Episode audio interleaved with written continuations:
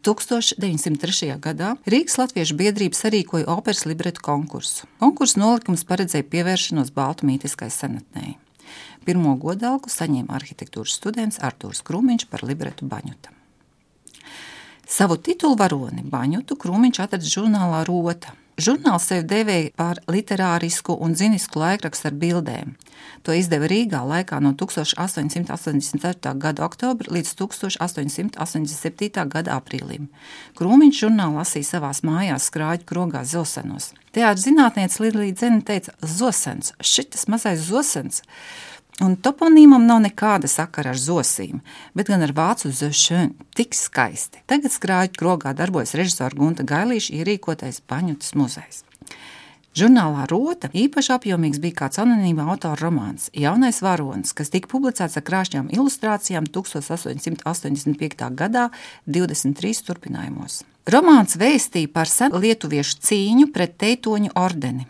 Tas pauda nacionālās brīvības idejas un vēlmi atbrīvoties no ģermāņu gara. Tāpat laikā lietuviešu un ģermāņu militārajā konfliktā tika saglabāta godbijība pret kristietību. Romāna jaunais varonis no poļu valodas bija latviskojis kāds, kas parakstījās ar iniciāļiem PG. Filozofijas goda doktors Ludis Bērziņš krājumā latviešu literatūras vēsturi kā romāna autori pieteica poļu rakstnieku Juzefu Ignāciju Kraševski, kas uzskatīja sevi par lietuvieti bet romāna oriģinālo nosaukumu latviešu literatūras vēsture nemin. Man gribējās uzzināt, tieši kādu Kraševska darbu bija lasījis Arthurs Krūmiņš un kas ir jaunais varonis. Viļņas Universitātes absolvents Juzefs Ignācijs Kraševskis tiek uzskatīts par autoru vairāk kā 200 romāniem un 150 novelēm, stāstiem un recenzijām. Par Kraševska ražību ironizēja jau laika biedri, un lasot šos ciparus turp atpakaļ, atpakaļ turp, gribot, negribot uzrodas literārie vergi vai jezuītu pulciņš, kas ar literāriem paņēmieniem īsteno savus nodomus. Es padevos bez cīņas un meklēju palīdzību. Atrast vajadzīgo romānu man palīdzēja lietuviešu teātris zinātnieks dr. Helmuts Šabasevičs. Izrādās, Operas baņuta impulss ir meklējums Juzefa Ignācija Kraševska romānā Kunigas. Tas ir sarakstīts 1881. gadā un publicēts 1882. gadā. Man gribētos īsi par svarīgāko, kas tad notiek šajā romānā. Ļoti garajā izvērtējā romānā, kur es arī izlasīju. Tātad romāna galvenā darbība norisinās pilēnos. Teitoņi nogalina lietuviešus un laupa mazus zēnus. Starp nolaupītajiem zēniem ir kunīgs marģeris. Teitoņi viņu nosauc par Jeržī jeb Juri latviskajā tulkojumā. Tas ir zēns ar dubulto identitāti. Juris Marģeris tiek audzināts kā nākamais krustnesis. Kad puisis atklāja savu patieso izcelsmi, viņš sāk domāt par bēgšanu no Malborkas pilsētas. Kļūdas pēc teitoņa ir nolaupījuši arī meiteni Baņutu, Barbaru, kas uzaug spēļu namā. Viņa ir skaista un brīvdomīga un nepieradināma. Jaunieši atrod viens otru pateicoties skumīgai lietuviešu dziesmai, kuru dzied baņuta. Vispār romānā daudz dzied. Viņi samīlas un nolemj kopā bēgt uz lietuviešu pilēniem. Pilēnos pār savu cilti valda nogalinātā kuniga atraitne Reda.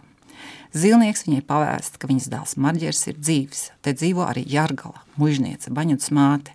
Viņas laime, ieraugot meitu dzīvu, aptumšojas, kad baņutai skaistuma dēļ ir jākļūst par baidavoti. Bet kāzas tomēr notiek. Pīli ielēns teitoņi. Lai saglabātu godu, baņotu lūdz Marģerim nogalināt sevi, pirms viņš izdara pašnāvību. Nodedzinātā pilsēta kļūst par mirušo pili. Tāpēc tā ir saistīta ar Anafielas, Anapili, kas nozīmē lietuviešiem mītisko mūžības kalnu. Nu, vai nav Vāgners? Jāpiebilst, ka ietekmējot lietuviešu literatūru, Kraševskis ir ierosinājis ne tikai Alfrēda Kalniņa baņu, bet arī vairākas lietuviešu operas. Žurnāls Rota izmantoja Elvīro Mikaela Andrioli zīmējumus, kurus kograbumā reproducēja Edvards Gorazdovskis. Šos zīmējumus varat redzēt arī raidījuma mājaslapā. Rota ilustrācijas nepasūtīja. Taupot līdzekļus, tika izmantots politipāšs, uzskata profesors Vāls Vilrušs. Nu, un, ja tā saka valdes, tad tā arī ir. Rakstnieka vārda noklusēšana un romāna nosaukuma maiņa man liek domāt, ka bija grūtības ar atlīdzību autoriem. Ilustrācijas ir tiešām ļoti krāšņas. Mākslinieks Elvīro Mikēls Andrioli bija mācījies Maskavas zīmēšanas un tēlniecības skolā un ieguvis brīvmākslinieka diplomu Pēterburgas Mākslas akadēmijā. Pieprasītajam ilustrātoram un viņa darbu gravierim padevās gan sadzīves ainas, gan batālijas, gan portreti.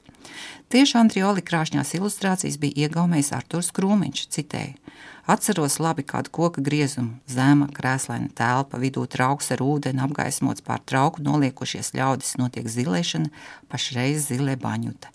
Šis vārds kaut kā dziļi iegulās atmiņā, un kad pēc ilgiem gadiem sāku domāt par libretu. Krūmiņa piesauktajā attēlā ir redzama nevis baņķis, bet zilnieks, kas redēs zīlē. Paraksts tavs dēls ir dzīves un staigā dievu pasaulē. Vēl man patika ilustrācija ar agoniju romāna finālā. Citēji, Marģers sievu uz rokas turēdams grūda šķēpu viņai krūtīs. Citāta beigas. Bet starp Kraševski un Krūmiņu vēl ir viens dzēnieks - Lautenbachs Jūsmiņš. Acīm redzot, lai cilvēki nemocītos ar 23 turpinājumiem, Lautenbachs Jūsmiņš romānu pārlika 17 pantos, nosaucot to par marģers un baņuta. Nolasīšu pirmo un priekšpēdējo pantu ar iejūtu. Pirmais. Balguda jo stiprā pils jau krita, lejušu zemē smagas brūces sita, krita krietnās redas pileni.